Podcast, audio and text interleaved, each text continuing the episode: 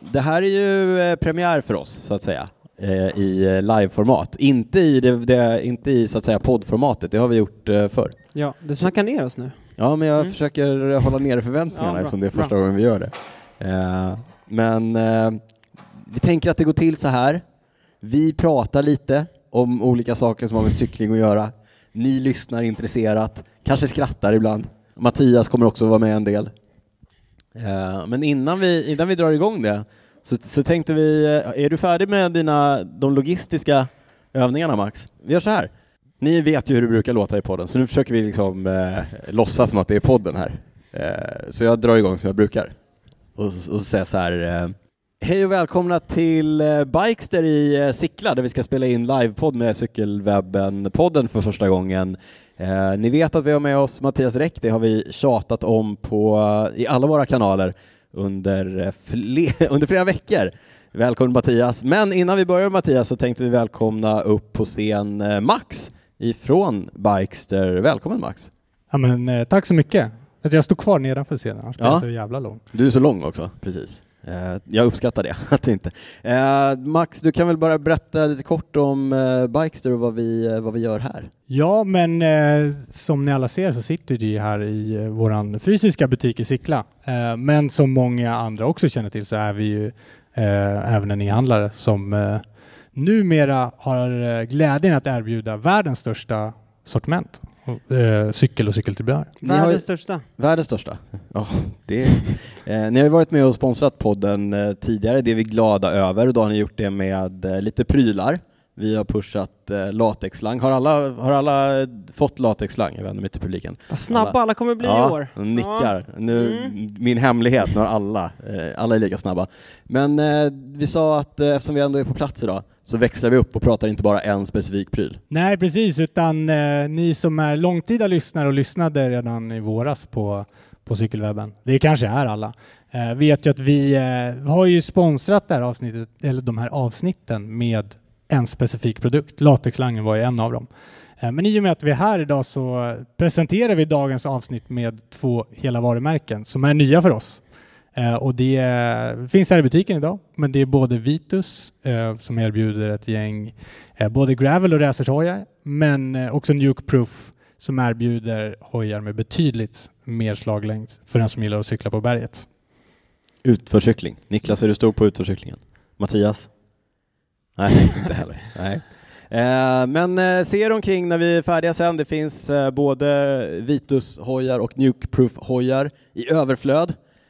Om man vill slå till på en, har du något, speciellt, har du något bra erbjudande eller? Ja, men för alla som är här idag, det blir ju supertråkigt för alla som lyssnar på den här podden efter. men, men för alla som är här idag så har vi 10% på allt i butiken. Och det inkluderar ju både Vitus, Nuke Proof och ett gäng andra prylar. Så spana runt gärna lite efter och så löser vi det helt enkelt. Med de orden så tänker jag att vi är klara, men jag tänker att Max, du kanske vill eh, sätta igång oss på det där sättet som vi, som vi brukar göra och känna oss vana vid. Vad brukar vi säga? Ja, men då, eh, jag passar på än en gång att önska alla välkomna och så säger jag nu kör vi!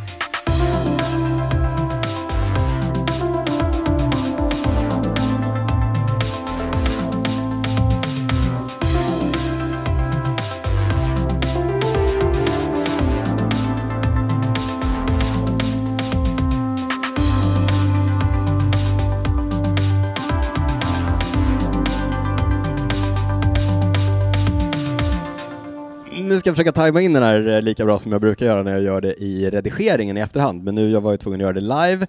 Eh, vår signaturmelodi är slut och då brukar jag säga hej och varmt välkomna till Cykelwebben-podden med mig Daniel Rytz, med dig Niklas Hasslum Japp. och med Mattias Räck med oss hela vägen från Göteborg. Varmt välkommen Mattias. Tack så jättemycket. Ja, kul att du är här igen. Ja, Ja, det är jätteroligt. Hur många gånger har jag varit med? Det här är fjärde, tror Fjärde jag. tror jag faktiskt. Ja. Det är mest av alla. Åh, Eh, ja. yes! Mm. eh, tätt följd av Johanna Palmqvist tror jag, men hon har, ju, nej, hon har nog varit med flera gånger, lite bonusar och sånt där. Va? Ja, Mm. ja jag vet. Men vi kan, du, du är välkommen när du vill, det vet du. Eh, men också varmt välkomna till alla er som sitter i publiken. Det är ju superkul och eh, lite nervöst att göra det på det här sättet istället för hemma i mitt eh, kök, Ja, som vi det kan är lite avslöja mer folk idag faktiskt. är det som är Cykelwebben-podden-studion. Eh, Ja, men, detta är lite större än eh, hemma hos dig. ja, det är lite större än hos mig, marginellt. Men det är inte mycket fler cyklar. Jag måste vara den här trevliga presentationen av, av Max Ja. med, med latexslangar. Nu kanske ni tror så alla proffsen kör på tub eller på det senaste med, med, med tubeless. Men Mats Pedersen, han kör på kanttråd och latexslang. Duger det till honom så, så duger det till oss. Det gläder, det gläder mig att höra. Eh, Mattias, eh, som sagt, eh, varmt välkommen för fjärde gången. Om det är så att eh, någon har missat vem, vem du är, vad har vi sagt? Niklas, du är Ja, men har... vi brukar eh, köra den här för att hålla det kort. Du gillar ju att snacka Mattias, så en minut, presentera dig. Jag tror du skulle säga att eftersom att jag pratar så mycket så presenterar du mig istället. nej, nej, du får presentera dig själv. Man kan väl säga så här, jag är egentligen SO-lärare. Jag blev eh, cykeltränare någon gång för en 10-12 år sedan. Och det började faktiskt, min karriär om man säger så, som cykeltränare, den började nästan här i Stockholm för att det var ju de i Team Cykel City som tänkte så här att ah, det där Mattias, han kan ju vara ett litet tillskott. Så det är faktiskt, man skulle kunna säga att det var här det började, Te- Team City. Och sen så har det utvecklats till att bli lite Vätternrundan-tränare. En kort, väldigt kort session var jag förbundskapten. Det behöver vi inte Jaha, prata så mycket om. Det har vi helt glömt. Det är preskriberat, Ja. Ja, det är, det är hemligstämplat. Ja. Och sen så då 2014 blev jag eh, proffstränare. Mm. Så det börjar bli några år nu. Ja. Snart, det tio, snart tioårsjubileum. Ja, Och nu är du tränare i massa olika sporter också. Ja, så det är nästan som en 50-årsprocent Mm. så blir jag skidtränare med. Så nu kan man vara, nu har jag som bonus, det kan man vara nervös året runt. Mm. För det kan jag säga, där är ju vissa i den här sporten som är coolare än jag. Det, det som där, där liksom framgång och, och motgångar, det, det tar man lite så här. Mm. Men jag, jag blir väldigt glad när det går bra, men jag tycker också det är ganska jobbigt när det går dåligt. Så Mm. att det är ett ganska tufft jobb på det viset. Ja, Det rinner inte in av mig som vatten på en gås sådär bara. Nej. Eh, bra presenterat. Eh, kort hållet också. Eh, vi brukar ju börja de här avsnitten med att bara liksom snabbt gå igenom så här. Hur är läget, hur vi mår och så här. Niklas, vi spelade ju in igår. Har det hänt Ja, någonting? nej det har inte hänt så mycket. Nej. Jag har för sig varit ute och sprungit idag, så min träningsverk har ju släppt lite. Ja? Ja, du gnällde om att du hade spelat dodgeball. Ja, Ja. farlig sport Vi alltså. släppte ett nytt avsnitt idag med, eh, med Nathalie. Du, äh, Nathalie är här idag. Vinka till, eh, du kan vinka. Hej, här är Nathalie. Om ni inte har lyssnat på avsnittet så var det ett eh, superhärligt samtal med Nathalie eh, som vi släppte i morse.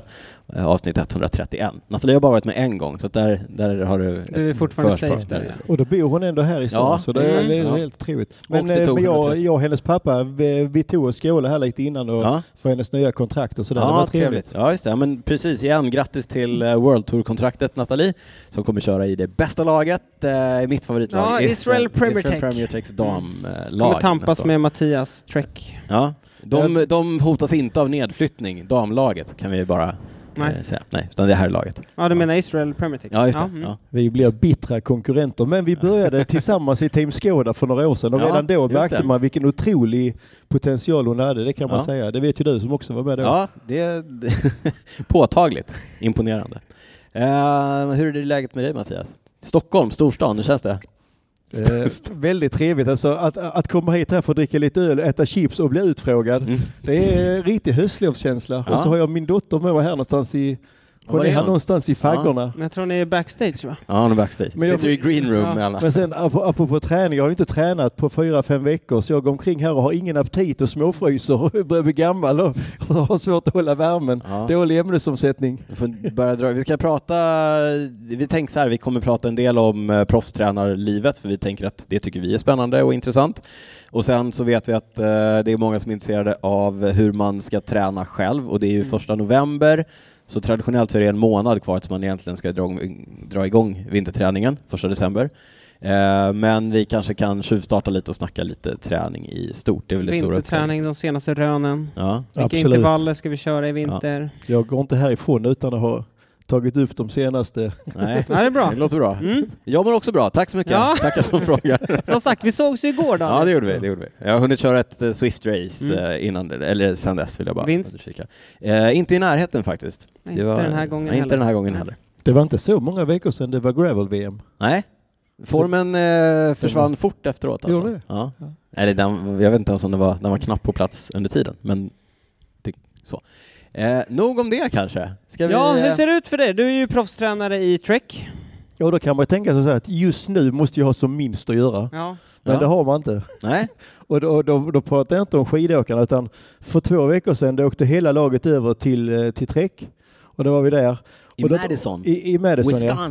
Exakt, Mm. Waterloo. Och så fick vi en dag i Chicago hos SRAM också. Det var Ja. väldigt trevligt. SRAM. Men då kan man tänka sig så här, vi sportdirektörer och tränare, åh vad gött, kan man gå omkring där och kolla i fabriken och sånt. Men jag tror alltså att vi satt inne i ett konferensrum tre dagar i rad och bara hade möten Ja, med cyklister med oss själva. Dels som man ska lägga upp tävlingsprogrammet och, och liksom, om du har 28 herrar, 14 damer, alla tävlar ungefär i, i snitt 80, 80 tävlingar för männen och, och 60 för damerna. Det är så otroligt mycket tävlingar som ska planeras och sådär. Så att, eh, man, man gör liksom inget annat. Det är ett pussel som ska läggas. Ja, det är ett otroligt. Jag är glad att jag inte, att jag inte är huvudansvarig Nej. för en sån sak. Men är det, så, är det så året ser ut? Att det är, lite, det är pussel i november och sen så Ja. börjar man lägga upp träningsprogram för vintern. Hur, hur ser året ut liksom? Det brukar, om man tänker så här att de cyklisterna som, som ska köra Tour Down Down Under, det har man redan bestämt innan så att de slutar säsongen tidigare. Mm. Och så har alla ska få ungefär fyra veckor vila. Är det helvila då? Bauke Mollema är bra på att ta helvila. Han är i Dubai eller såg jag? Det, då vet, då vet ni mer än mig. Ja. Där, och, och egentligen, att jag säger just att Bauke Mollema kan vila helt, det är för att det är lite speciellt. För att i vanliga fall så är han en sån som alltid är i ganska bra form. Mm. Men han har ändå inga problem. Det kan vara bra för er svenskar som, liksom, som, som har svårt för att vila. För det är, banne mig, det är banne mig ett symptom som jag tror de flesta svenskar har. Även de svenska proffsen. Många av dem har genom åren haft svårt för att liksom vila. Ehm, men Bauke Mollema, fast att han nästan alltid är bra och han, han kan äta otroliga mängder och alltid bara 5% fett. Han kan ändå ligga helt stilla på en, ja, vad sa du, Dubai? Ja, jag tror han är Dubai. I, I fyra veckor och inte göra någonting. Och ändå kan han vara bra i december och januari ändå när han ska. Men du, har du lika mycket ansvar både hos tjejerna och killarna? Ja, det kan man säga. Eh, jag, har, jag har varit, eller ja, jo det, det, det skulle man kunna säga. Mm. Jag tränar lite fler killar än tjejer. Men det är så, nu- ni delar upp dem mellan ja. tränarna? Man kan ha externa tränare också, så att det är inte det att vi tränar alla. Och det är väl tur det, för vi hade inte haft ekonomi att ha så många tränare så att vi skulle kunna träna alla 28 herrar och 14 damer. Och jag skulle säga, överlag är det så att de flesta lagen går mer och mer mot att, att man vill träna sina egna cyklister. Men det är fortfarande ganska nytt. Så det, kan låta lite konstigt om man kommer från fotbollen att liksom, det finns ju vissa tränare som då de tränar två i det laget och två i det laget och två i något annat lag. Men, det börjar minska. Mm. Men, men för, hos oss får man fortfarande bli tränade externt. Men vilka har du då? Får namedroppa några här nu. Jag kan, jag kan namedroppa Shirin van Androoy kan jag namedroppa för att inte bara prata killar hela Nej. tiden. Elinor Bäckstedt. Jag tränar Mats Pedersen, Alice Kirsch. Den här långe Dan Håle som är två meter lång. Är han två meter lång? Ja, Jättelång. 1,99 tror Ja. jag. Ja. Eh, Alexander Kam tränade jag, men nu har han ju, nu ska Ja, han, han ska byta. dra, ja. Och han är ju lite svenskkänd i och med att han körde med Lukas Eriksson Mm. innan. Så det är några exempel. Sa du Mats eh, Pedersen? Ja. Ja. För tänkte detta världsmästaren Daniel. Ja, jag känner till honom. Mm. Eh, Vi tänkte prata lite mer om Mats eh, här lite senare. Men du, eh, du sa ju det här, skillnaden mot fotboll till exempel, eller egentligen mång, de flesta andra sporter, framförallt lagsporter. Du har ju cyklister som bor runt om i hela världen. Hur eh, rent praktiskt hur går det till? Liksom? Ja, det, det är en av de svåraste sakerna som har att göra i den här sporten. Det är att alla ska få rätt information. För att om man spelar fotboll i Hammarby då förväntar man sig ändå att alla bor någonstans här i krokarna. Oavsett Alla om man är Söder. tränare, fysio, om man är läkare. Men, men i cykel är det så att alla bor ju utspridda över halva jordklotet. De enda som, som, som, som tar och flyttar in i Europa det är de som kommer från Australien och Amerika i stort sett. Och då bor de ofta i vissa kluster, typ eh, Girona. Girona, ja. Girona, precis. E- e- Eller Lucca, eller något dit där i närheten av Florens. Och sen så, och, och sen så, så det, det betyder att oavsett om man är läkare, sportdirektör, tränare, alltså det, det, ibland är det ett rent helvete att alla ska få rätt information. Det är svårt att bara ha ett teamsmöte varje måndag, för där är någon som är på väg till en tävling, någon är på, på väg hem från en tävling. Och om någon cyklist är skadad, då ska de ju dels ha kontakt med, vår läkare, men sen har de naturligtvis sin egen, trän, eh, sin egen läkare, säger att han bor i, Bre, i Bretagne och så ska man få ihop all den här informationen. Så det är otroligt svårt. Och ibland har jag tänkt så här, gud när jag är 55 då ska jag ansöka om att bli fystränare i ett fotbollslag i Göteborg. Då kan jag, kan jag se alla fem dagar, då kan jag bara stå där på den här gräsplanen, så kan jag bara se alla springa på samma ställe. Och när vi ska spela en match då tar alla samma buss till Landvetter. Ja, Det har varit skönt. betydligt enklare. Rent, eh, rent praktiskt, vad, kör ni för, vad har ni för verktyg för att kolla träning och sådär? Alltså du... Eh, eh, i, eh, det var så här, vi hade Today's Plan, men sen blev det så att de blev uppköpta och en av ägarna till, till det som köpte upp dem var en av dem som, som ägde Specialized, så, så det betyder att då kunde inte Ja. Trek längre vara kvar där, så nu har vi gått över nej, nej. till Training Peaks. Okej. Praktikaliteter. Så att, eh, men, men det som vi använder mest, det, det är det som är liksom bakom. De har ett analysverktyg som heter VKO5. Så det är det som vi mest jobbar i. Men vart, vart är ni nu då? Du sa att ni satt i USA och planera tävlingsprogrammen. Liksom, hur ser det ut för cyklisterna nu? cyklisterna de har det väldigt jobbigt när, när säsongen är över. För att på den här nivån då ska man ju liksom redan fotografera allting för nästa år så att alla kläder, tröjor och sånt som kanske en svensk elitcyklist får, får i, i mars, april den finns redan i oktober färdig och klar och då ska det fotograferas och göra en massa grejer. Och sen så ska naturligtvis cyklisterna festa för säsongen är över så att de har dygnet runt ar- arbete de här dagarna. Den ska plåtas. Ja, de det ska plåtas och filmas och ja. grejer, så ska man festa och, och, och, och ha lite roligt också. Ja. Så att det, det är tuffa dagar. Och sen efter det så får de riktig semester. Så att det är ju liksom, det är på gott och ont. Där är ju vissa vars säs- säsong slutade kanske en vecka innan de var tvungna att åka till USA. Så att det är inte jättepopulärt alltid. Men det är det man måste göra. Antingen så får du fota mer på decemberläget eller så försöker man fixa det i slutet på säsongen. Jag vet att för några år sedan då gjorde vi så att då samlades alla efter Lombardiet runt i, i Milano eller inte i Milano, utanför Milano på ett, på ett flygplatshotell. Inte alls speciellt, inte alls som man tänker sig. Milano va. Och, och, och så sitter man där tre dagar och så, bara, och, och så bara fixar man allt och sen så åker man vidare. Mm. Jag tror att det är de sidorna som man inte kanske tänker på så Nej. mycket Nej, när man precis. tänker om livet Nej. som proffscyklist. Det är rätt mycket eh, praktikaliteter Ja. som ska... Och då kan man ju tänka sig de här cyklisterna och även sportdirektörerna, man ringer ungefär 200 dagar på ett år. Och sen så är man då tvungen att under sina fyra veckor man har ledigt måste man sitta en vecka i USA. Det är klart att, men, men, men alla är ju proffsiga nog att förstå att det är därför jag kan få mina Ja, man måste veta vem 1,5 som miljoner euro om Ja, året. exakt. Eller 800 000 eller 200 000. Det är ju därför. Så att det är liksom alltid, det är alltid närvarande att partners och, och, och sponsorer ska vara inblandade. Tiden är förbi där du bara får pengar och så, och så syns du på en tröja. Mm. Det, är liksom, det, det går inte. De ska Men- vara inblandade jättemycket. När drar era cyklister igång då? För nu är det första november. Vissa har dragit igång nu redan och, det, och det är ju de som ska köra, da, köra Down Under. Ja, Som är Australien. tillbaka, alltså etapploppet i Nej, det är Australien. Äntligen Januari, tillbaka. ja. Det var lite sådär att man inte riktigt visste. Det är Nej. typ 20 januari eller?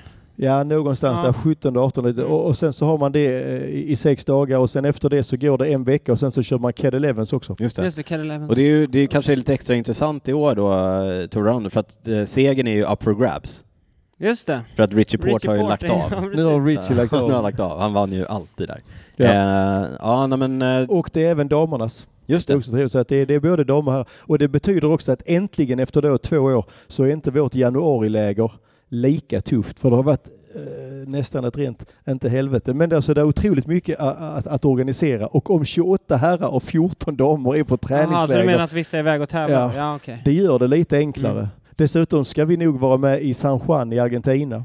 Jag såg även att, att Ineo skulle vara där. Det Ja. var en Ja, nyhet. Ganna skulle det. Jajamän, där, är, där ska vara ett tempolopp. Mm. Mm. Och då är det ju som 6-7 man till som försvinner där Ja. i mitten på januari. Så, så då, Ja. då blir det arbetsbördan för oss som är kvar lite Ja. lättare. Men om vi går in på Trek-säsong i år då? Och så tar du bort Mats Pedersen. Ja, exakt. nej, nej, nej, precis. Ja, Ja. Vi kan börja med herrarna. Okej, vi börjar med herrarna. Ja. Ja, du Ja, nämnde alltså- ju Mads Pedersen. Överlag är det så att Trek behöver vinna mer. Mm. Det skulle jag säga att det är vår, vi har ofta ambitionen att vi ska vinna 25-30 tävlingar. Det det är långt ifrån de som vinner mest. Men sådär 25 tävlingar. Och, och jag tror att vi, vi, vi kommer upp i 20 eller 21. Vi skulle behöva vinna mer tävlingar. Våra spurtare har inte riktigt, det är ofta där du kan vinna mycket tävlingar, det har vi inte riktigt lyckats med. Det är kanske också en anledning till att Moschetti inte är kvar. Ja, det, Han, har drar, haft mycket, han, alltså, han kraschar i stort sett två gånger varje år. Han är jätteduktig, jättesnabb, men efter några år så liksom, det, det funkar inte Nej. mer. Och sen Chicone har väl inte riktigt heller Nej. Han fått har den en e- utväxlingen. nej, den ena skadan efter den andra. Han hoppades vi att han skulle liksom, ta ett kliv till. Nu vann han en Han etapp vann i girot, i det är stort. ja, men... Men eh, det är klart att Cavendish är inte ett alternativ eller? ja, ja. Trek gillar ju äldre cyklister. ja. Exakt, Ja. exakt. det, Ja. det, försöker de ju tve, det försöker de ju tvätta bort det här Ja. att de bara vill att de har äldre. Vi har ganska många, eh, många nya Ja, ja, men nu är det ändå... också. Det var ju, finns det var ju nu några finns år ju där. till exempel Daniels favoritlag. Va, alltså, ja, ja, alltså som du- gillar äldre Ja, cyklister. ett så att- annat, ett annat äh, ålderdomshem tänkte Mm, du? Ja. Precis. Eh, men hur ser det ut inför ja, men, eh, säsongen som Alltså, säger? Det var Man kan inte... säga så, nej det, det var det inte. Om vi tar en sån som Jasper Stuyven och, och, och det vet han ju om. Om man är en sån storstjärna och så vinner man inte någon tävling. han, det, tog det, inget, han vann inte en enda Nej. tävling. Nej, och det, alltså, det är inte lätt att vinna tävlingar om man inte är en av de bästa spurtarna. Fast man, alltså, han måste vinna solo. Mm. Men det blir ändå så, okej då, man får ganska mycket betalt, man vinner ingen tävling. Ja. Ett sånt utvecklingssamtal det kan ni själva räkna ut Ja. ungefär, hur- ungefär hur det ser ut. Och Mollema Eh, hade inte heller något större. nej. Han var någon Han brukar ju- nations... Ja. Var han med hos uh, SRAM nu eller i Chicago? Fucking Ja. eh, komplext förhållande med... Men det var, på här sidan var det ju verkligen Mads Pedersen som, ja. som räddade er. Och då är det skönt att man är hans tränare. Ja. Man ska ha lite flyt när man Ja. börjar, börjar, börjar jobba med någon. Hur ser det utvecklingssamtalet ut? Med Mats? Det var väldigt enkelt. Vi satt bara och pratade om framtid. Ja. vi, vi behövde inte grotta Fortsätt- ner oss i några... fortsätt i som några du gör. så, ja, Ja, Men alltså nu måste vi fråga, hur kom det sig att han inte körde VM? Eh, Det var han som sa att han skulle köra. Det var så här, efter anledningen till att han körde Spanien runt, det var inte ens meningen, utan det var så att Binkbank Tour, för er som inte vet det, det är ett ganska stort etapplopp på andra halvan på säsongen. Och han skulle egentligen kört Mm. liksom eh, Luxemburg och Danmark och, och, och, och Binkbank. Så ställdes Binkbank Tour in och då kände han så här, gud, hur ska jag ha motivation? Eh, det här VM-loppet, det passar nog inte mig ändå. Det är nog lite för tufft. Eh, och ska jag åka ner till Australien? Men nej, ska vi inte köra Vueltan istället? Och i och med att han valde att köra Vueltan, då sa han också det att då ska jag absolut inte köra VM. Mm. Men sen var det, eftersom han körde så bra på Vueltan så blev det fler och fler. Alltifrån hans agent, våra chefer, danska, Mm. alla ville att han skulle köra. Han Men- körde ju exceptionellt bra på Weltan. Det, är ju därför, Ja, det var ju därför ja. Niklas ställde frågan. Vueltan Precis, han vann ju tre etapper och så vann tvåa på två Ja, på- eller tre ja, etapper. Vann gröna tröjan. Så att, men, men där var det så att det var redan bestämt innan. Mm. Att han hade rest jättemycket, tävlat både touren och Vueltan. Och det är också det, åka ner tio dagar och så kanske det inte går bra och så bara är man mentalt helt jävla knäckt och sen ska du liksom försöka, det, det, det kan ju kosta inför nästa år. Så därför så, så både jag och han, vi stod faktiskt på och sa det, nej nu ska vi fan inte köra. Men... Det- eh, han har ju dessutom blivit världsmästare också. Ja. att ja, han, kan ju vänta och ofta är ju VM-banorna för en sån cyklist som Mm. honom. Så han får ju ny chans nästa Ja. år i Glasgow igen. Men du som har koll på hans siffror, för att ja. så som han körde på Weltan, det var ju helt sjukt. Hur bra var han liksom? ja, så han var, eh, Han var jättebra. han var, han var väldigt bra. Ja. Men, men han, var, han var lika bra Alltså han har varit lika bra andra perioder under året också, men det är klart att hade, alltså det, det är inte samma höga nivå på Welton som på touren. Men, men han var väldigt bra och- det har gått väldigt bra. Han har några otroliga värden. Alltså för de som är wattnördar så brukar man säga liksom att om man kan klämma 6 watt per kilo i 20 minuter som en klassikeråkare, då, då tillhör man liksom de bästa. Och, och han klämmer mer än så. Och han kan nästan dra 1000 watt i en minut och han kan liksom nästan dra... dra liksom, det, det, det är sådana otroliga värden så att liksom vanliga svenskar har liksom lite svårt att fatta liksom hur mycket de kan dra de här. Och, och så är de ändå spurtare va. Mm. Nu är, han- nu är han ingen spurtare, han är så här Ja. jävla Han är inte topp... alltså, han- råstark, ja. råstark klassikeråkare som har blivit spurtare. Han Ja. var ingen spurtare innan. Och det är därför inte han är, han är inte jättebra om det är kaotiska spurter. Han Nej. behöver ganska clean. Mm. Men, Vi- men eh, 6 watt per kilo, alltså mer än 6 watt per kilo i 20 minuter, Ja. det är inte, det är inte många svenska... Eh, Swift-cyklister som- nej, alltså det, inte, nej, men det är de, de bästa svenska klättrarna gör ju inte det. Det blir ganska många watt om du väger 77 kilo. Ja. Det där Ja. var, så, gör man det i 20 Ja, Men det- senast vi sågs, det var ju i eh, Köpenhamn. Ja, Just Då, det. och då vet vi att Jag kommer ihåg, ni sprang fram till mig där, ni hade Ja. nog druckit ett och annat och så skulle han starta. Mats skulle väl starta 10-15 minuter senare. Ja, du, var, du var hur lugn som helst Mattias. Ja, verkligen. Jättelugn. Du kändes nervös. inte alls nervös. Och så var vräker, vräkte regnet ner. Ja. Men ni hade ju ganska stora ambitioner. I... Ja, det hade vi. Alltså, vi visste att det var orealistiskt att, att liksom... Det var mer en dröm än ett mål att, att vinna. Nu Men- snackar vi eh, prologen. Precis. Eh, Men vi hade gjort allt vi kunde med material och, och liksom vindtunnlar och alltihopa och, och träna sig. Och så tänkte vi, om han inte tappar så mycket sekunder så kanske han kan ta gula tröjan under första veckan. Just det. Mm. Och sen ska man säga det att nu har ju Mats kommit ut med en egen bok och den kan jag lova. Om ni bara kan förstå danska, Är det någon som förstår danska, ut till publiken? det är inte så himla svårt ändå. Det, den finns bara på danska. Men, men om ni kan förstå det minsta lilla danska så ska ni läsa den boken. För att han är så öppen och ärlig och berättar massa saker alltså. Och i Danmark har det blivit jättestort redan. Han berättar liksom om, hur- om hur han är ute och festar och, och, och Contador tar, tar och hjälper honom hem. Hur han fightar med Magnus Kort Nilsson under Danmark runt. Han är, alltså han är, är, är jätterak och öppen. Och där kommer ni även att kunna läsa att han var sjuk bara ett par dagar innan touren började. Så att han bara liksom ändå kan köra så himla bra som han gör där, va? Det, är, det är imponerande. Han blev ju sexa, Sexa. va, på tempot. där. Sexa. Inledande. Och det var lite för många sekunder bak för att kunna Ja. liksom få, få chans på gula tröjan. Mm. Och sen så blev det också det var en otrolig mental press. Det var väldigt stort där i Köpenhamn och så hade han liksom sagt också att nu ska jag fan mig fighta Ja. för den gula. Så att den etappen som gick, den är på Paris-Roubaix-etappen, då bara var han helt slut. Och det var mest mentalt. Så då bara tar vi, okej nu, nu tar vi och stoppar några dagar. Och så liksom försöker, försöker vi bara nollställa. Och sen så ska vi fan mig ta, ta vinna en etapp när vi går loss sen. Det gjorde han. Det gjorde han med. Mm. Och, och den dagen var han banne mig bra. Ja. Han vann en spurt mot... Eh, Han hängde av Ganna Fred och Kuhn Wright. och så vann han Just det. mot Fred Wright. just det. Bra Niklas, Mm. det kommer inte jag ihåg. Och det var Ja. underbart så Ja. att det blev gjort. Ja, Nu har vi snackat om herrarna. Ja, jag Damernas precis- säsong var ju Damerna är betydligt mycket, bättre. Mycket, mycket, mycket roligare att prata om. Jag kan säga det att det kan jag säga, det kan jag liksom ta och berätta för mina barnbarn att de första två de första två Paris-Roubaix för damer har Mm. jag suttit med i bilen båda gångerna och det har varit jättehäftigt. Damerna är så tuffa och coola med. Ni ska se, de kan också skrika på folk kan jag säga. Mm. Alltså om du ser där, de, de kraschar och de smäller i och de är uppe igen. Och om bilarna är i vägen så bara smäller de, de till med och sådär. De är stentuffa. Men du, vänta, du sa att du satt med, vi måste bara backa här lite, Ja. du sa att du satt med i bilen på de första två Paris-Roubaix, jättekul. Men det var ju också att ni vann de första två Ja. Paris-Roubaix Ja, för dagen. precis. Det den- trodde jag att den den lilla Vi vann de första ja, två det. och det var ja. ju helt underbart. Och jag var tyvärr också med när Balsamo blev diskad. Ja, just det. Just det. Och eh, det var absolut ingen, det, det var ingen tvekan om att de skulle bli diskade. Alltså vi skulle, de skulle kunna filma henne 20 sekunder till Mm. eh, där vi gjorde fel. Men anledningen Men till det var att vi, inte du eller? Det Nej, det var inte jag, det var hon ja. Det var Ina Teutenberg. Ja. Men det kan jag säga med, det kan vara bra att veta. Alltså, det är ju liksom en väldigt, det är en väldans gråskala. Alla tycker det är okej att pejsa lite grann Mm. och sen är det frågan hur mycket. Vad var det som hände? Du kan ju, alla kanske inte vet i, I det här fallet så var Ellen van Dijk ehm, punkterar och har du kommit in i karavanen så får du använda bilarna för att komma upp. Men då skulle de andra lagen jävlas och, och, och släppa luckor så Mm. att Allen van Dijk vill liksom jobba jättemycket fast de var i karavanen och då blev vi så arga. Så att när då Balsamo bara några, några minuter senare punkar så var vi så vansinniga så då pejsade vi henne lite för mycket.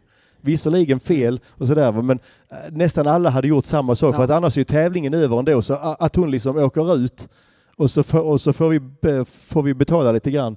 Ja okej, det ser ju inte bra ut men hon Nej. hade liksom inte kunnat vara med ändå. Nej. Och så vinner, och så vinner Lisa Longoborghini så det är häftigt. Ja. Så ni har vunnit först vann, eh, vem vann först? Lizzie Deignan. Just det. Hon Solo i typ åtta mil. Ja. Det var inte Men, meningen, eh, hon bara råkade liksom komma ja. iväg och så Men det ingen som- var också solo väl? Ja, jajamän. Ja. Så, ja. Men det var ju det var inte bara den segern, ni hade ju massa fina Ja. segrar. Det kanske mest, mest kända det är väl att Ellen van Dijk slog en timmes rekordet Mm. på bana också, och, och så blev hon världsmästare i tempo. Mm. Ehm, och I sen så- Grenchen? I Grenchen ja. Eh, be, Där var bredvid. BMCs kontor ligger eh, velodromen där. Jag Ah. måste bara kan Ja. understryka. Ja. ja.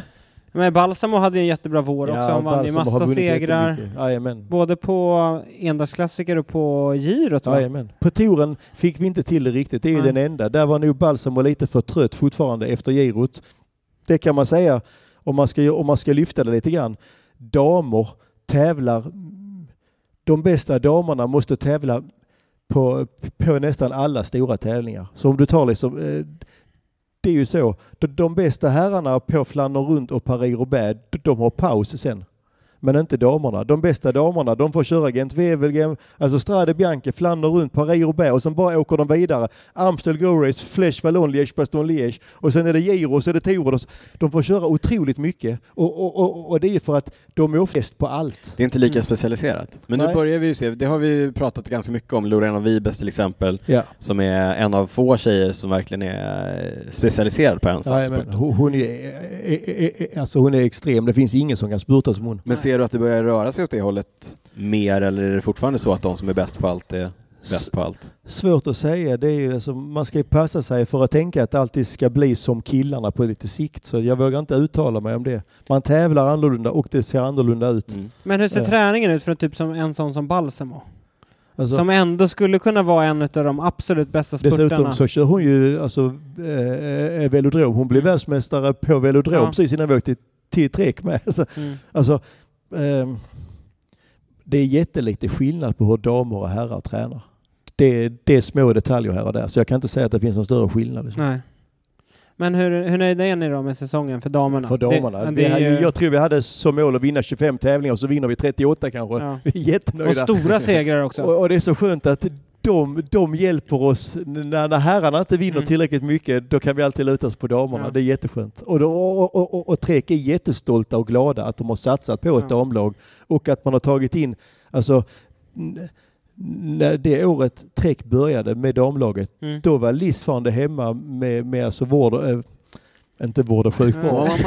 Då, Hon då, hade, vabbade. då hade hon så Hon ganska, nö, ganska, äh, ganska nyligen blivit mamma och ändå Ja. signar man henne. Ja. Och, och nu, äh, och, och, och, mamma igen. detta året är hon hemma igen och så ska hon komma nu till nästa Ja, år. hon kommer nu till våren. Ja, precis. Och hon är liksom otroligt viktig för hon är hon, hon är jättebra kapten, alltid cool, lugn, ser allt, hör allt, jättebra att jobba med. Hade alla varit som Lizzie så hade det varit väldigt enkelt att vara, liksom, ha ett proffslag. Men hur Ja. mycket är hon involverad nu då när hon är föräldraledig?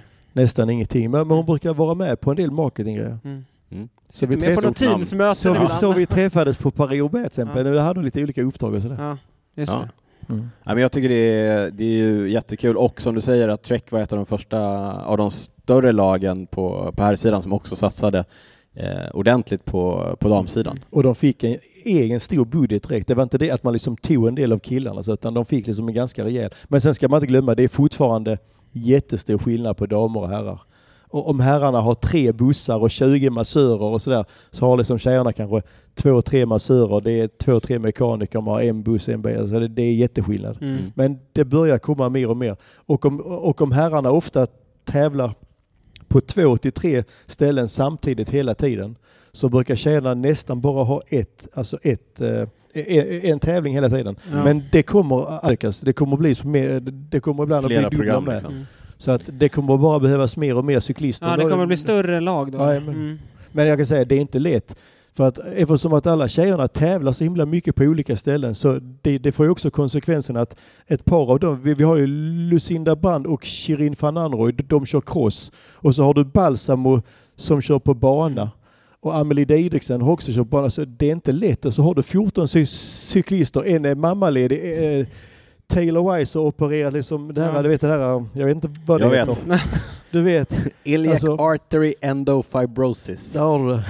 Ja. Men hon, är hon kvar nästa år? Taylor Wise är Ja, kvar. Jajamän. Hon är det. Hon har också blivit mamma. Hon har också blivit mamma. Ja. Mm. Fast hon har inte fött barnet så att säga. Hon är inte, hon är inte fött Nej. barn, men hon har också blivit mamma. Och eh, det betyder att ibland så är man ju tyvärr tvungen, som inte är ovanligt i den här sporten, att du måste ställa upp med folk som är halvskadade. Mm. Bara för att, de, för att du inte får ihop det. Det kostar alltså 5000 ju- 5000 euro per cyklist som inte kommer på en World Tour-tävling. Jag ska också starta, cyk- jag ska också starta cykelförbund. 5000 euro! Så kommer du till Flandern runt och så ska du ha sju man. Om inte sju man kommer då är det 5000 euro i böter för varje cyklist Per som inte ställer också. upp. Per Till, skalle. till UCI eller? Vi se? Ja, jag ska också starta ett cykelförbund. Mm. och så ska jag börja, förstår du, kamma hem. Niklas hoppar inte Nu- på den här Nej, idén. nej. Det, det låter nästan lite för mycket för att vara sant. Vi, hoppas, vi, kanske, Ja, vi, vi är lite källkritiska. vi, kan får ta och kolla så att Ja, det inte är per lag. Men, men eh, jag för mig att vi hade uppe detta nu när vi var på Trek. Du nämnde Lucinda Brand och Shirin van Anroy. De Ja. kör eh, cross-säsongen nu. Hur skiljer sig, alltså olika typer av cyklister Ja. som du tränar? Ja. Du, så här, Lucinda och Shirin och sen Mm. så tränar du Ellen van Dijk som då är en tempo... Är jag, du, jag, nej, nej, du inte, nej, jag är inte tränare. Det är så här att, nej, jag är inte tränare och jag är inte tränare för Lucinda Brand heller längre. Det, det var jag för ett tag sedan. Mm. Men, men sen, sen, sen valde vi, i och med att Lu- Lucinda satsar så otroligt mycket på cross, Mm. så blev det att, för att hon kör i, i Svenne lag som också är Trek, och där är den, den eh, nästan, jag vet inte, legenden i Belgien, Sven Neis tränare Paul van den Bosch har hand om henne. Ja, ja, ja. Och han har även tränat många på landsväg. Så det var egentligen det liksom som både- var frågan jag var på väg till. Vad är, är det stor skillnad i... eh, Det är olika kravprofil. Är det stor skillnad i hur man tränar liksom? Jag kan säga, i och med att jag tränar Shirin van Anroy året runt, eh, det enda inte jag bestämmer det är vad, det är vad de gör på sin onsdagsträning med Sven Neis. Det lägger inte jag mig i. teknikträningen. Det är liksom. inte det att jag Nej. ringer Sven och säger det, jag tycker du ska göra göra så eller så. Utan jag kan säga, den stora, det stora pusslet när man ska träna de som både kör cross eller bana och, och landsväg, det är bara att liksom få konstpauser. Mm. Det är väldigt lite skillnad i träning. Så att därför så kan jag liksom träna Shirin van Anroy fast att hon kör cross. Jag, jag har aldrig kört cross. Jag kan knappt, jag har nästan aldrig kört mountainbike heller. Jag försökte köra Finnmarksturen för några år sedan och så här, det är ungefär den. Men det, det, det, är så, det enda man ska tänka på, och, och, och det är samma sak, den som ska köra landsvägssäsong i Sverige och så ska han köra Swift, det är inga bekymmer. Det gäller bara liksom hitta perioder där man pausar. Mm. För det, det jag tänkte på jag, när man tittar på en eh, effektfil till exempel ifrån en eh, landsvägstävling eller en tempotävling och så jämför man det med hur en effektfil från en crosstävling ser ut. Det måste ju vara eh, milsvid skillnad.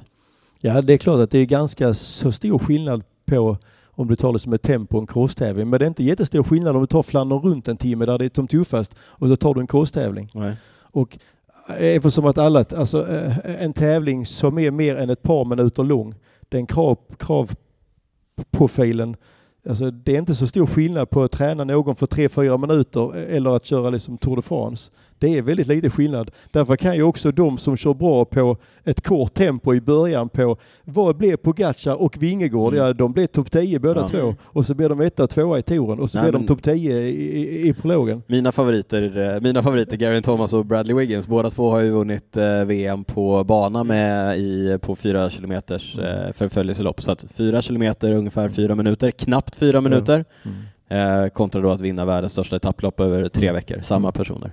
Precis. Men vad tror du om den här grejen? För det har varit mycket snack nu när Wout van Aert, Mathieu van der Poel, Tom Pidcock, Tom Pidcock! Ja. Ja. Lucinda Brand, de som kör mycket cross under, under vintern.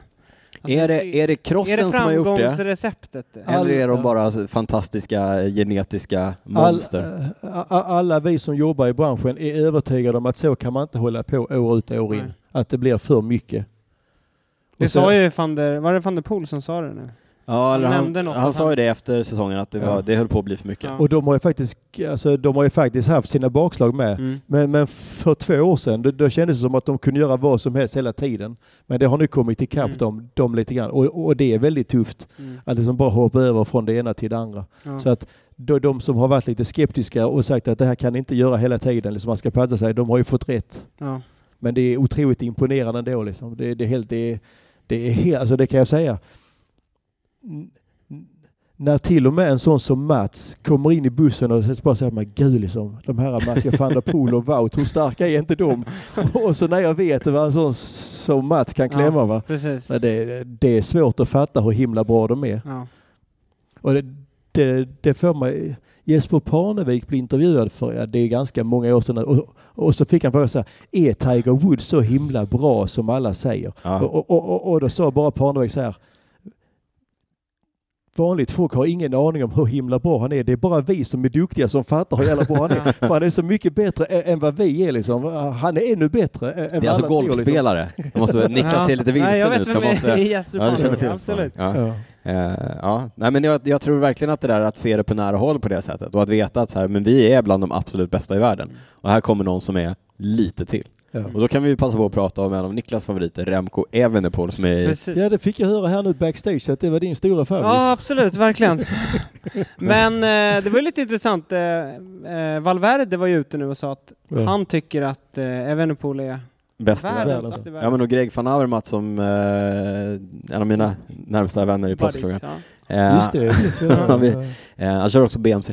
Vi, eh, nej men han har ju också varit ute och sagt att Evenepoel är på en annan nivå. Mm. Eh, och just med Greg är ju roligt, han är ju generationen innan kanske vi ser ett generationsskifte när det handlar om klassiker, cyklister med Mathieu och Wout och de här.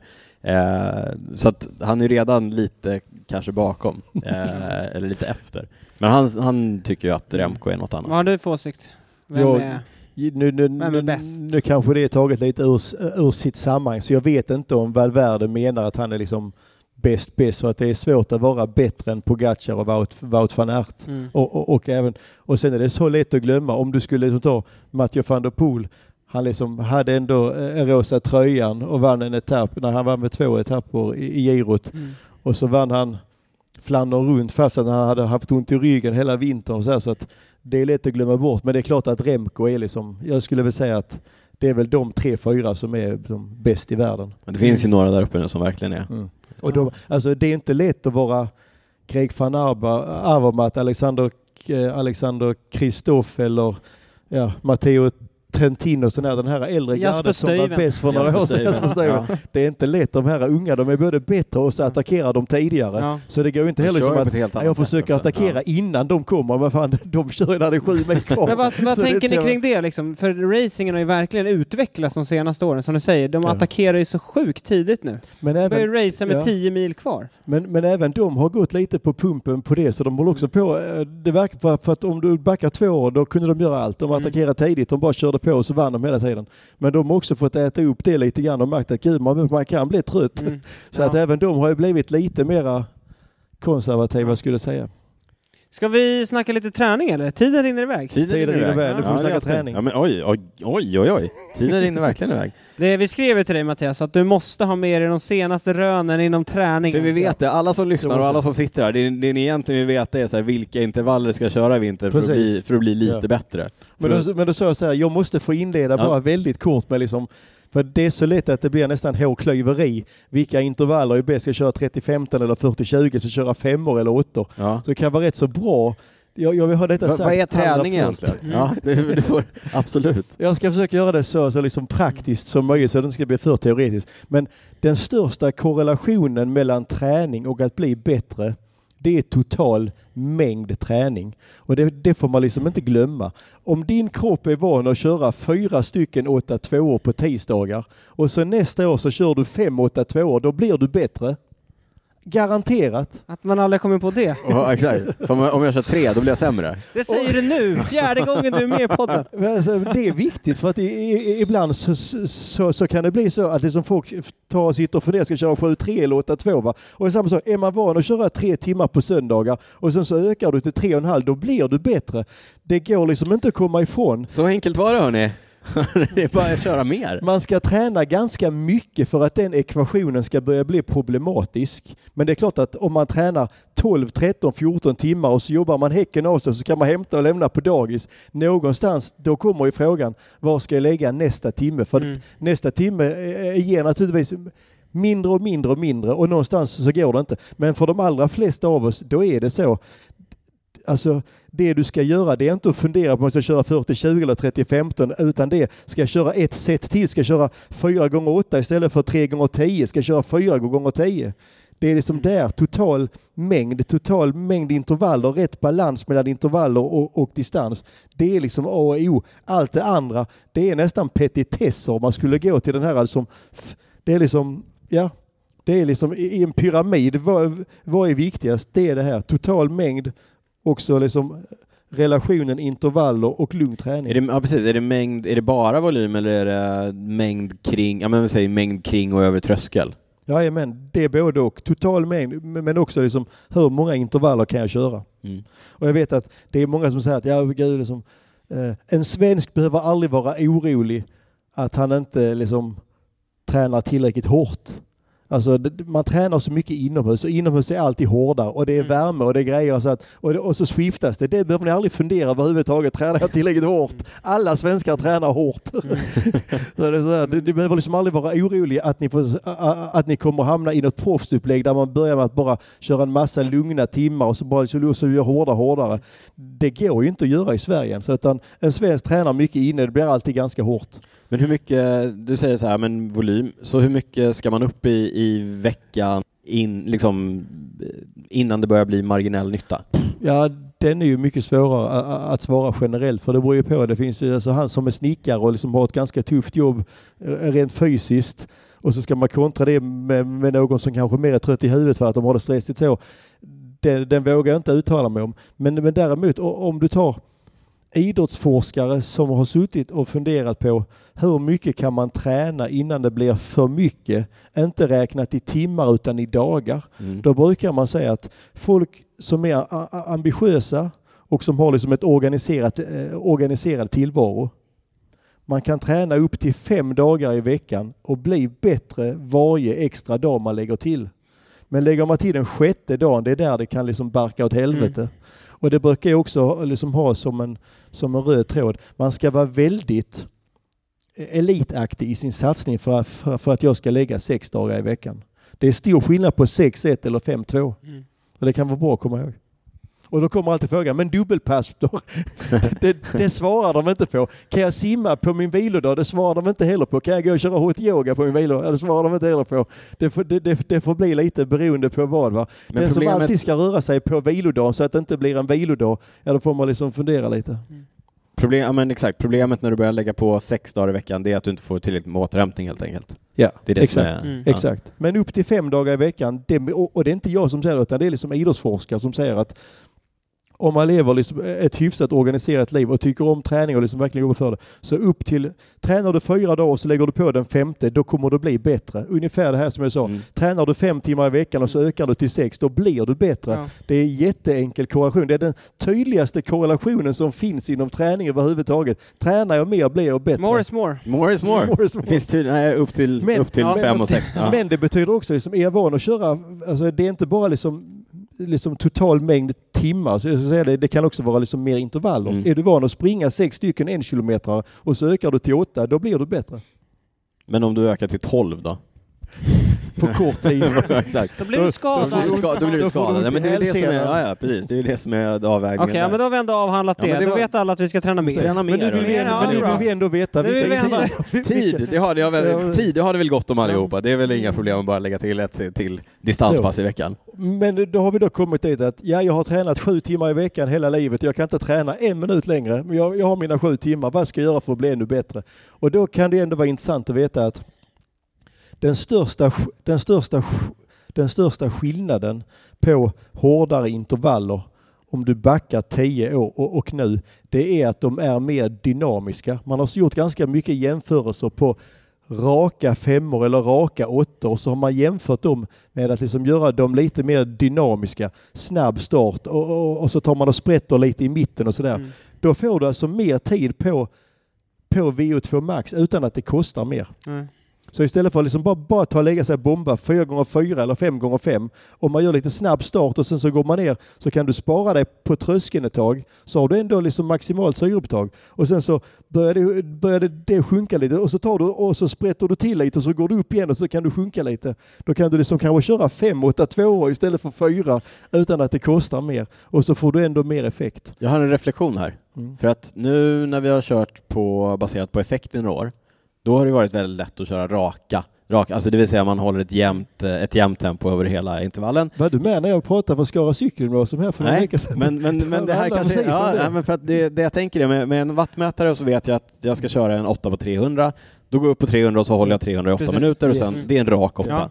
Ja. Eh, förr i tiden när man körde på känsla eller på eh, puls, Jajamän. då fick du det dynamiska på köpet. Därför att då kanske du öppnade för hårt för att få upp pulsen Mm. och sen så var du tvungen Och att slå sen så insåg att, du att ja, men, oj, så, det var lite ja, men pulsen Ja. släpade och så kom den upp. Så att eh, liksom kom vi... Det tror jag är helt rätt. Alltså, Ja. det, har varit, det har jag också tänkt på.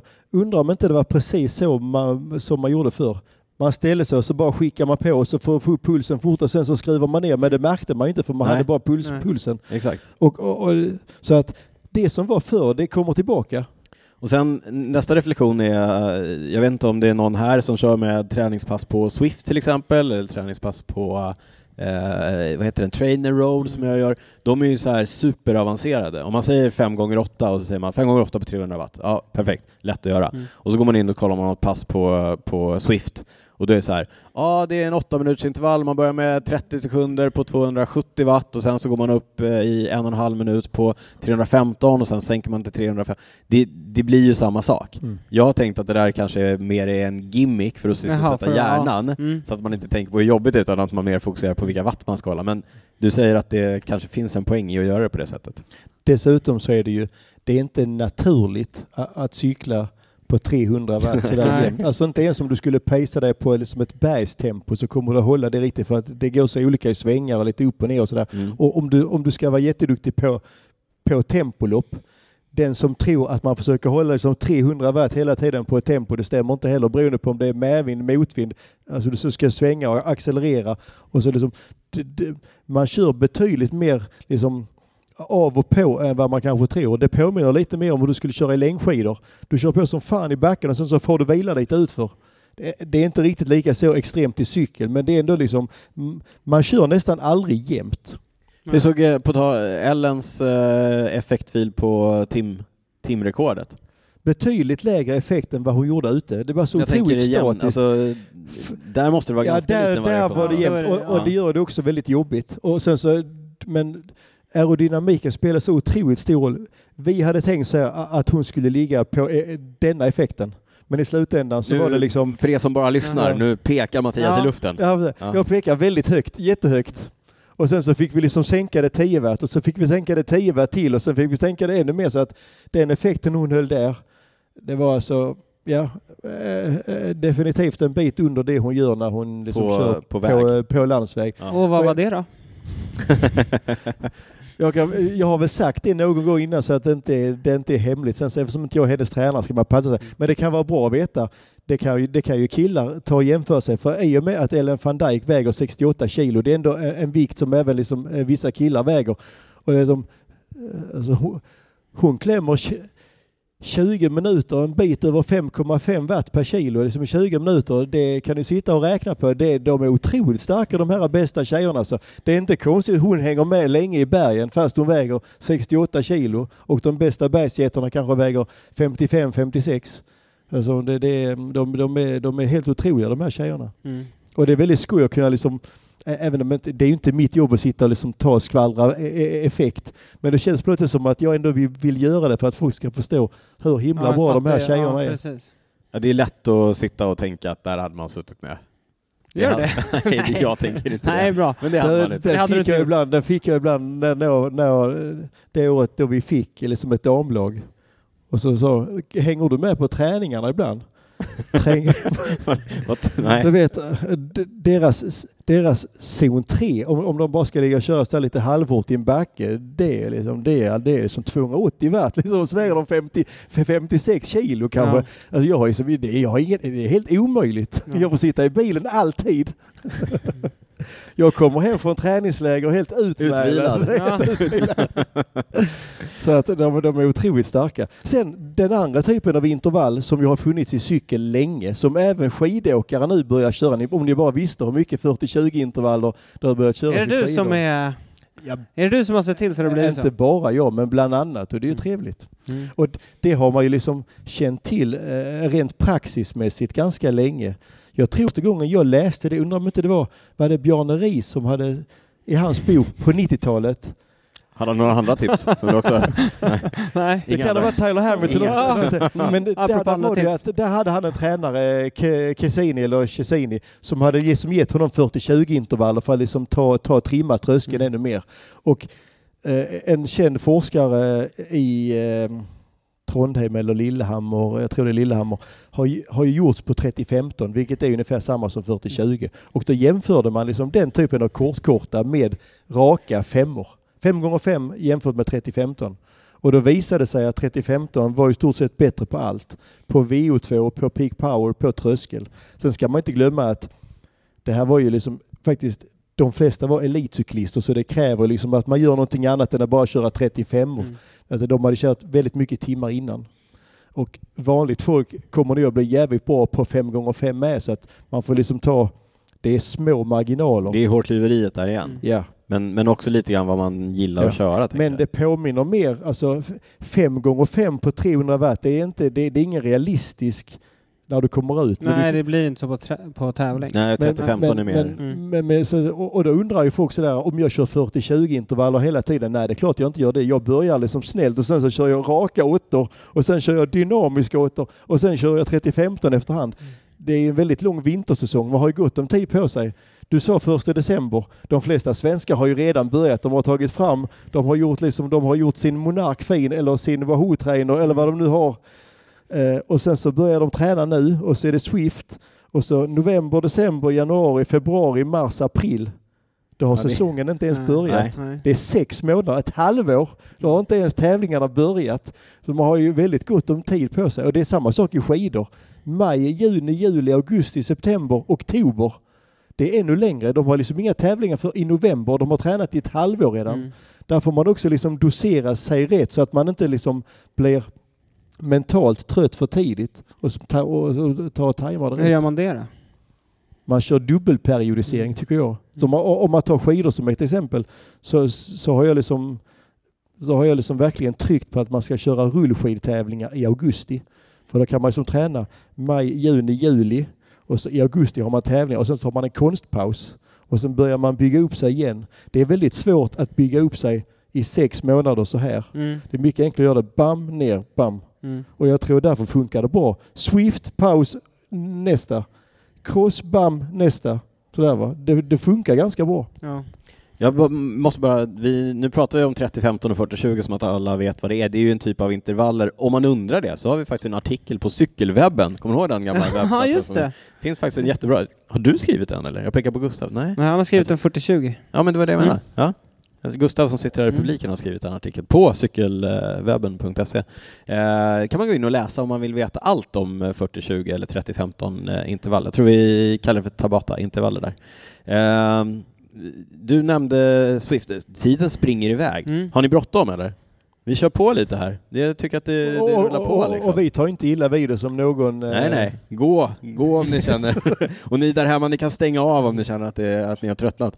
Eh, men du nämnde Swift, jag vill ändå prata lite grann om det. Traditionell vinterträning har ju bestått av väldigt mycket eh, strukturerade intervaller. Mm. Nu är det väldigt många som kanske sitter och racear eh, Swift istället. Är det ett fullgott eh, substitut? Är det bättre att fortsätta med strukturen? Därför att jag själv då, jag fortsätter med mina reflektioner, Eh, Jag märker att i början när jag tävlade på Swift, då var det bara jättejobbigt. Nu när jag, nu när jag har lärt mig att tävla på Swift lite grann, då blir ju det mycket mer som att eh, tävla i verkligheten. Det vill säga, det är inte lika jobbigt som träning. Ja, man får lite mer konstpauser och så. Du, du behöver inte ta i hela Ja, tiden. men man lär sig så, att köra smart. Liksom. Sen blir jag ju avhängig då och vinner inte Nej. ändå. Men eh, man tävlar ju inte som man tränar och man tävlar ju inte för att ta i så mycket som möjligt, utan man tävlar ju faktiskt för att ta i så lite som möjligt. Vad, vad, har du liksom, eh, du har ju mycket adepter, har du många jag, som... jag tror inte det är något bekymmer att du tar i för lite i alla fall. Nej? Däremot så tror jag det är bra att det blir lite mera intervallbetonat. Mm. Men nu, nu återigen hårklyveri. Det är klart att, att det är effektiv träning att ta i allt vad man orkar i 30-40 minuter. Om inte man gör det för ofta. Den som vill tävla på Swi- Swift både måndag, tisdag, torsdag, alltid. Det är klart att eh, någonstans så säger kroppen stopp.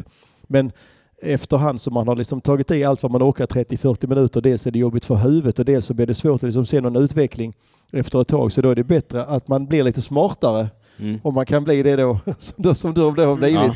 Att, att man kan göra det lite mer intervallbetonat, för det vet man ju ändå att träning är effektivare när den sker i intervaller än att konstant hålla på liksom konstant hålla på och maxa jämt och Mm. grejer. Och den, framförallt så är ju träning mer effektiv om den blir av. Mm. Och Ja, men det, så är, det. det är väl det som är den största vinsten med Swift, att det faktiskt är eh, väldigt mycket enklare att motivera sig än att bara hoppa upp och sätta. Mm. För mig i alla fall Mm. är det det. Än bara hoppa upp och sätta sig och köra intervaller. Är det några proffs som har eh, Swift hos er? Det var alltså ganska populärt under pandemin. Då var vi dels alltså, tvingade med för att Exakt, var det populärt eller var det påtvingat? nästan alla lopp, större lopp, ville ju ha någon form av digitalt. Och vi, jag ska säga nu kan vi skryta lite grann. Vi vann ju faktiskt två av de sex tävlingarna som Tour de France hade. Mm. Julian Bernard och Will, och Will Clark. Just det! Ja, de stora stjärnorna i Ja. Trek-stället. Ja. Ja. Man är bra på olika saker. Men det ska sägas, de tävlar ju bara mot andra proffs som inte heller var liksom, som inte var Swift-experter. Jag tror inte att liksom, alltså, det ska mycket till för att ett vanligt proffs eh, ska ta och vinna över Swift-proffs. Så att det, är- det, det, det är för olikt. Och sen har vi de här Jay Vine eh, som gick ifrån eh, Swift Academy och som Just nu det. kör i... eh, Han blir ju rätt bra. Ja, han är Ja, hyfsad. nu är ju värvade ju UAE också någon som eh, Ja. hade visat Ja. bra siffror på Ja, nätet. Vi får inte glömma hon som sitter här i publiken. Ja, också ja, rätt så hejare igår. på Absolut. Swift. Ja, ni har pratat om det. Ja, jag pratade om Swift Academy igår. Så, Ja. man måste, alltså, det är klart att det är inte tur om saker. Om man, är, om man är duktig på Swift så är man stark. Mm. Men våra proffs som är duktiga, det är inte alltid det kommer ut på Swift om jag säger Nej. så. så att man kan väl, och jag vet inte om det betyder att de, att de är så tröga att de inte fattar hur man gör. Sådär, men, men, jag, tror eh, att, jag tror att om de hade kört mer så Ja. hade de blivit eh, mycket bättre. De har ju de, de fysiska förutsättningarna Ja. att bli bra på det. Mm. Det tror jag att vi kan Mm. sluta oss till att de har. men det har, alltså, ett tag tänkte man så här att kommer alla lagen att ha ett Swift-lag också? Mm. Och det verkar inte ha blivit så just nu. Det är bara Jag- Movistar Nej. som har. Ja, jag kan just det, inte se den här har- trenden än. Ja, det, det, precis. Och det, det är ju trevligt, inte minst ur svensk Mm. Ja, nu med synvinkel. svensk koppling, Ja. eller Men, men just svensk nu, koppling. just nu känns det som att det viktigaste inom, inom liksom landsväg proffs det är att, att få flera damlag, att bättre förutsättningar där. Och sen kanske efterhand också kommer fler Swift-lag. Men jag, jag, Jag kan känna att det är viktigare att titta på utvecklingen på damcyklingen Ja, än. Swift-cyklingen. Verkligen. sen kan inte jag svara på om det är så att damerna har fått en, alltså, en, en, en ännu större, alltså har damerna gynnats av Swift mer än herrarna kanske? Varför, varför sponsrar Tour de France FAMS av Swift? Av Swift. Är det liksom Mm. ett sätt att komma in? Det, det, det kan jag inte svara på. Nej. Det är billigare, kanske. Ja. Nu var jag, det, var, det var det cyniska svaret Mm. från min sida. Niklas, har vi, eh, har vi något mer eller känner vi att det är dags att... Eh, Jag vet, ska vi... Ska vi vända oss till publiken Ja, och kanske precis. fråga? Har vi Kanske få några, har vi frågor. några lyssnarfrågor från publik? Sätter publiken på on the spot här på den så kallade det någon som har någon eh, fråga till oss eller till Mattias? När bör man åka på träningsläger för att vara formtoppad i, till Vätternrundan? Var det det som var frågan? Ja. Det kan vara, det finns andra tävlingar i av- Till juni. mitten av juni. Ja, det, det är ju Ja. ganska många som berörs av den frågan. Absolut. Mycket enkelt svar. Då backar du en fyra, fem, sex veckor. Någonstans där när du har möjlighet. Om det blir fyra veckor innan fem eller sex spelar ingen roll. Men det, det är ganska bra. Och så försöker man träna väldigt mycket timmar. Och det, det är naturligtvis därför du frågar med. När ska man åka på läger för att köra mycket timmar? Ungefär fyra veckor innan. Men om du inte kan fyra så, så ta fem veckor innan. Kan du inte fem så är det sex. Ja. Hur tajt inpå får man inte åka då? Och så, om man är väldigt vältränad då, då är det bra att köra Schweiz runt innan man ska till Vättern runt eller Belgien runt eller sådär va. Så det är, signa ett, signa ett proffskontrakt, se till ja, att laget kör Schweiz runt. Jag antar att de flesta som, som liksom som ställer den här frågan, de kanske inte kan träna mer än 5-6 timmar i veckan och sen så har de möjlighet att någon gång åka på ett läger. Och då kanske man smäller i 25 veckor. Och, Timmar. A, a, a, a, precis, Mm. vad sa jag? Veckor. Är 25 lite, timmar. lite mycket. Och, och eftersom att det är en ganska så stor chock på kroppen så vill man liksom, dels så, så vill man inte ha den för tidigt för då har man liksom inte hunnit träna tillräckligt mycket. Och, och, och- och sen så vill man inte ha den liksom för nära inpå för då kanske man inte liksom kan liksom vila upp sig. Så därför brukar man säga så här kanske en fyra veckor. Sen efter det så kommer man hem och så vässar man formen med lite mera fart och intensitet och sådär. Kortare intervaller eller? Mycket bra. Mm. Mycket Kortare intervaller men man gör dem under långa pass ibland Mm. Ja, ja. ja du, du hatar ju inte distansen inför För Vätternrundan. det kan man säga, om jag ska ta, om jag ska ta en liten slutlig sammanfattning på 40-20 och 30-15. När man kör dem på ett en timmes pass, då, då vässar man liksom sin kapacitet, sitt VO2, sin liksom det här maximala. Men om man gör dem i slutet på ett fyra timmars pass, det, då trimmar du liksom din fartuthållighet. Mm. Så att den är också viktig. Alltså, där är någon som ska dra sista timmen på Vättern med, inte bara Mm. första. Så det krävs ju även att man liksom tränar att köra hårt i slutet på långa pass för att liksom verkligen maximera den här fartuthålligheten. Men hur långa är blocken då? 40, 20, 30, 15? Det står i artikeln. Det var så, det var så Gustav skrev. Mattias Man kanske har en annan Man kan ju börja med 2 gånger 10 och sen blir det 3 gånger 8 och sen blir det 3 gånger 10 och sen så... Jag brukar aldrig ge mer än 4 gånger 10 nästan. Det är rätt så tufft att Så köra 10 4 minuter gånger totalt. 10. Ja, alltså, och, och så gör man det fyra gånger. Mm. Så det blir som 40 minuter. Det är mycket. Som Det är, är ganska, mycket. mycket. Det är mycket tid. Ja. Det är mycket. Ska vi, ska vi, är det, har vi någon mer fråga eller ska vi runda av? Har vi sitta, Gustav har en fråga borta.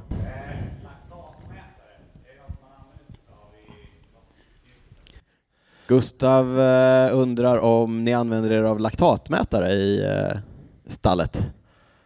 Eller om du använder det som tränare? Det har vi sett på något träningsläger väl hos er? det, är mest för, det är mest för syns skull. Alltså jag, jag Kan kan säga så här. På gott och ont så har ju liksom Eh, så har vattmätare tagit över nästan allting. Och ibland så kan man nästan tro att eh, allt det andra liksom är ointressant. Men så om man liksom backar 7-8 år, då använder vi bara vattmätare och så struntar vi i allting annat. Men, men vi, har, vi har också lärt oss att det finns någonting intressant att se hos pulsen också. Och det finns intressanta saker att se med laktat också. Så att det har kommit tillbaka för att få liksom ett bredare spektra. Men jag kan inte säga att vi använder det spe, eh, speciellt mycket. Det används mycket mer i löpning och skidor än vad det gör i cykel. Och det antar jag är för att man inte där har vattmätaren. Ja, det kan vara därför, men det, det kan också vara liksom, att, att traditionen är inte lika stor. Det är ju så i cykel, alltså, om alla cyklister hade bott på samma ställe hela tiden så hade vi säkert testat eh, lite oftare VO2 och laktat. Men i och med att man alltid är utspridd överallt och enda gången vi ses allihopa, det är i december, januari på träningsläger. Då är det alltid så otroligt mycket att göra. Så att det, och liksom, vad hjälper det att jag sticker Mats i, i fingret eh, liksom, eh, två gånger i december och januari. Alltså, det, det, det krävs otroligt mycket för att man ska göra det, så därför så blir det liksom inte av. Och sen tycker vi att man får ut ganska mycket av att bara liksom ha väldigt bra koll på eh, eh, alltså, alla dina data på, på din powercurve. Vi, vi, vi, vi jobbar ju inte med liksom 20 minuters test och så 95 procent och så FTP och så tar vi liksom 70 procent, 80 och 90 utan vi gör så här. Vad har du för peak på 1, 2, 3, 4, 5, 6, 8, 10, 15, 20 minuter och så lägger vi intervaller utifrån alltså vilken tidsintervall som vi vill jobba med. Jag behöver inte veta vilken laktat han har på, på 20, 10 och 5 minuter. Det kan jag räkna ut ändå ungefär. Och om det är 2,3 ena dagen och 2,7 andra.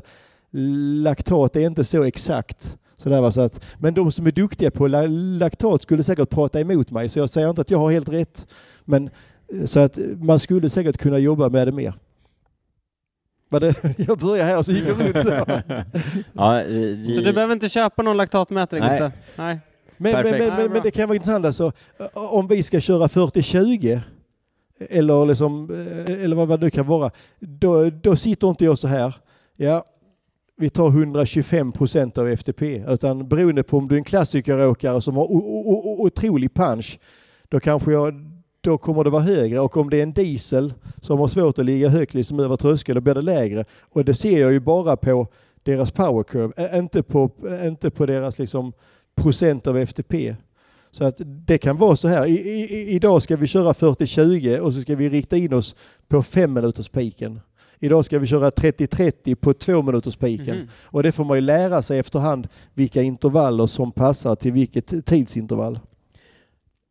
Ni hörde, det- alltså så här, han börjar med att säga så här, vi skiter i hårklyveriet, träna, träna mer, nu är vi liksom inne i hårklyveriet. gör vi verkligen. Men jag tänker att vi kanske lämnar, lämnar det, vi börjar runda av lite, men jag, kan ju tipsa, jag måste ju ändå tipsa om att vill man ha hjälp av Mattias, vill man ha Mattias eh, eh, guidning kring eh, träning som kanske sträcker sig längre än det här eh, poddavsnittet. Nu ska vi visa upp en hel svart Han ska här. visa, börja klä av sig här för det alla här som gör ju lyssnar. inte heller jättebra, vi får referera i Det är en poddformatet. svart t-shirt med vit text där det står Guided Heroes. Vad är det för Guided något Heroes, Mattias? eh, Guided Heroes, det är egentligen det är mina tankar som jag använder både på proffs och motionärer. Man kan helt enkelt köpa mina tjänster, mina tankar, min filosofi. Det är ju Mads Pedersen till Mads, exempel. Ja. Och det behöver inte kosta liksom 4 000 i månaden, vilket är mitt standardpris. pris, alltså, utan man kan Var börjar det? 495 i månaden. 495. 495. Och då får man liksom alla mina tankar nedbakat vinterträning för elitmotionärer. Alltså det är, det, det är min typiska kund. Mm. Och om man vet vem jag är, då är man oftast inte, inte nybörjare. Det, det tar några år innan man vet vem jag är. Även om jag Nu- ändå är nej, rätt så nu- känd. Nu, då, i podden. så. Ja. Så då blir det så här liksom att elitmotionär, veterancyklist, sub 8 typ på Vättern. Mm. Där har jag ett perfekt, kostar bara 495. Perfekt. Bara. Det var Det var- min. Ja, men Det det är jätte, och det är ingen bindningstid heller. Nej, perfekt. perfekt. Det är som, det är som att Det är som att du säger att folk ska hoppa av sen. det ska man inte göra. Ja, det ska man inte göra. Nej. Inte Ja. förrän i mars när, Nej. när vinterträningen är över. Mm. Eh, som sagt, ni hör ju, eh, vi prat, det, det är ganska enkelt grundläggande, träna mer. Men det finns eh, nyanser här också. Vill Träna mer dynamiska intervaller. Kolla upp Guided Heroes, Mm. eh, anlita Mattias som tränare. Hörni, ska vi ta och runda av där? Eh, Jag känner mig, är det någon som, Jakob Wik står här borta och har en fråga. Ja, du s- jobbar ju med eh, elitcyklister som tävlar och det klassiska, nu ska jag också få svenska cyklister att cykla och tävla med. Det är ändå en, det är ingen skröna att man tävlar sig i. Alltså naturliga intervaller tävlar i överlägset bäst. Hävdar jag och eh, många andra. Ser du någonting eh, i, i det här? Alltså du, du kan träna hela vintern, jada jada. Och det är ju en grund till det du sen faktiskt ska göra. Jag, jag ska försöka sammanfatta Ja. frågan som Jakob ställde. Han, han hävdar att man ska tävla sig i form. Tävla sig i form kontra att eh, träna sig i form och det är väl eh, den, den klassiska inställningen bland proffscyklister att man tävlar sig i form. Den kanske mer, den nyare, modernare inställningen är att man tränar mer, eh, tränar sig i form. Vad säger du? Ja, jag kan säga så här. Om man backar ett antal- antal år, då var det definitivt så att man alltid tävlade sig i form. Och idag finns det både och. Det finns de som inte behöver så himla mycket tävlingar för att komma i form. Men det är ändå det som, det som Jakob Wik säger här. Det stämmer väldigt väl. För det handlar ju inte bara om det fysiska, utan det är också det att det är bara att ta Alltså det är bara att fråga Nathalie. Alltså det, det tar banne mig tid. Alltså Nathalie är skitstark men det, det, det kräver ett antal tävlingar att komma in i den här fighten på positionering och, och grejer sådär va. Och om du tar amerikanska proffs som kommer, de har alltså tävlat på stora raka vägar och så kommer de till E- Europa. Alltså o- om inte du liksom lär dig väldigt snabbt att fighta liksom på smala vägar i Belgien, då är karriären över. Då kan du åka hem igen. Och det är ju samma, alltså väldigt många svenskar tävlar ju inte tillräckligt mycket så där har Jakob helt rätt, både fysiskt men också det här liksom att det är så otroligt fightande. Svensken är ju världsmästare på att träna, vi tränar jättebra och på vintern vi kan vara ute med, med, med dubbdäck och om det fryser fast då kan vi liksom köra utan att dricka fyra timmar också i januari och vi går som, vi går som tåget och vi kör inomhus och det vi är värmeadapterade bara av att köra inne liksom hela vintern. Och, men om inte du tävlar tillräckligt mycket så spelar det liksom ingen roll. Det, det blir inget ändå. Dels så ser de inte dig om du tävlar i Sverige, om du nu vill bli proffs. Och dels så blir du inte tillräckligt bra om du inte får tillräckligt mycket klungor, större klungor och liksom fighta i. Så att det, det är liksom eh, det, det är jätteviktigt. Om inte du tävlar, då blir det inget. Det spelar bara ingen roll vad du gör. Så kanske Ja, mer, mer den eh, psykiska adaptionen än Mm. den rent eh, fysiologiska. Tekniskt, fysiskt, mentalt, alltihopa liksom. Mm. Så kan man säga. Och, och där kan jag väl säga att uh, om man, alltså, du har också tävlat i väldigt många år. Du börjar också bli lite till åren, Lite även, till åren, även om tack. inte du är lika gammal som jag. Rutinerad. Det fanns ju tider då vi ändå hade ganska mycket svenskar som var utomlands. Och då, och då menar jag inte bara liksom på högsta nivå, utan det var även många som bodde i Frankrike och Luxemburg. Och så får de nya influenser och så kommer de hem och tävlar. Och så blir liksom vår klunga eh, den blev bättre och vi hade kanske lite mera internationella tävlingar och så vidare. Och, och det, det krävs liksom. Och om det är tunt, eh, det, då är steget ännu större till att komma utomlands. Men där eh, eh, har vi några lovvärda initiativ där Jakob eh, också är inblandad. Svealand Cycling Team, bland annat eh, ryska posten som är ute och Mm. kör en del internationellt. Det är det som behövs. Otroligt viktigt. Ja. Alltså det, det är alltså de lagen i, i Sverige som verkligen försöker, det, det, det är jätteviktigt. Och det gäller även alltså eh, eh, landslaget har under många år verkligen gjort vad de har kunnat för att få ut så mycket folk som möjligt och det är jätteviktigt. Mm. Eh, lite Sista fråga då. Hur ser du på framtiden för svensk landsvägscykel? Alltså. Det, det, det, det, är ju, det är jättesvårt att vara jättepositiv, men det positiva det, det är väl just det här liksom, att det finns sådana starka krafter som, som, som Svealand, att Motala har skapat kontinentallag. Och sen så är det ju så att det är lite lättare för damer, så vi kan verkligen hoppas att vi kan få ut flera damer. Jag menar, detta året så hade liksom eh, Julia Borgström ungdomströjan i Tour de France en dag tänk vad det gör för hela, alltså för svensk cykel, inte Mm. bara för henne. Så det är ju otroligt häftigt. Mm. Där, eh, ja, men där, nu får vi, Nu nu, får vi, nu får vi, nu Nu får slutar vi. Ja, nu får det nog. Vi, kan kan, hålla ju, på. vi kan ju stanna några minuter Ja, vi kommer, men vi kommer behöver- vara kvar men det här, behöver vi men vi behöver, vi behöver stänga av nu så att det här poddavsnittet inte blir rekordlångt när vi släpper det i eh, feeden, för det tänkte vi göra. Eh, men lite kort då, då får det vara korta sådana här om vi ska hinna med det. Du vet, vi brukar fråga varandra vad vi inte har kunnat släppa, Ja. Niklas. Eh, ska vi börja med dig nu? Eh, har du kommit på någonting eller? Eh, absolut. Eh, Ja. Jag, jag tänker ta det här. Jag tyckte det här var superkul. Jag tänkte ju ta det här. Ja. Ja, ja. Men så är det att vara först komma på något Daniel. nytt? Ja. Ja. Äntligen så blev det av med livepodd. Ja. Tack så jättemycket för att ni kom. Jätte, jättetack för det. Jättekul. Eh, Och tack Mattias. Ja, tack Mattias. Ska jag köpa mig lite tid genom att fråga Mattias vad han inte har kunnat släppa? Jag vet redan, så jag, jag, kan, jag tänkte att jag tar den före dig. Kör på. Jag kan inte släppa att ingen hängde med när, eh, när Remco satt på VM i den här större gruppen. Det blev så Åh, vilket tradigt VM det blev. Man går upp tidigt på morgonen och så går Remco med en 20-mannagrupp och så bara ser man det som, det var ju säkert fem sex favoriter som aldrig tog i allt vad de orkar Nej. en enda gång på det loppet. Det är så tradigt när inte det... Och sen all heder åt Remco, han är ju helt grym va. Men liksom, man vill ju se en bra tävling. Ja, vi har snackat om det. Vilket Ja. antiklimax det blev. Verkligen. Mm. Och Det VM är, det är vi har ungefär så som, som när OS gick och eh, vad heter hon Aust- österrikiskan? Eh, Kiesenhofer. Kiesenhofer. Det är så, och så finns det vissa som säger åh men det är väl trevligt att sånt här händer. Det tycker jag inte alls är trevligt. Det är ungefär som att Aman Duplantis kommer för sent till OP.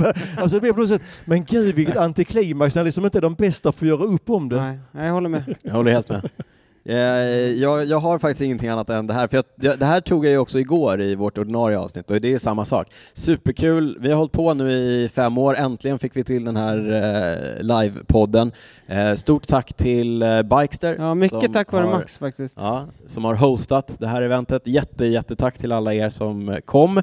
Eh, superroligt att faktiskt få sitta här inför en levande publik, det är vi inte riktigt vana Mm. vid. Eh, förhoppningsvis så kommer vi kunna göra det fler gånger. Hoppas. Men eh, tills eh, dess hörni så säger vi som vi brukar va? Ja. Vad- Vad är det du brukar säga Niklas? Ciao, ciao! Ciao ciao! Ciao ciao.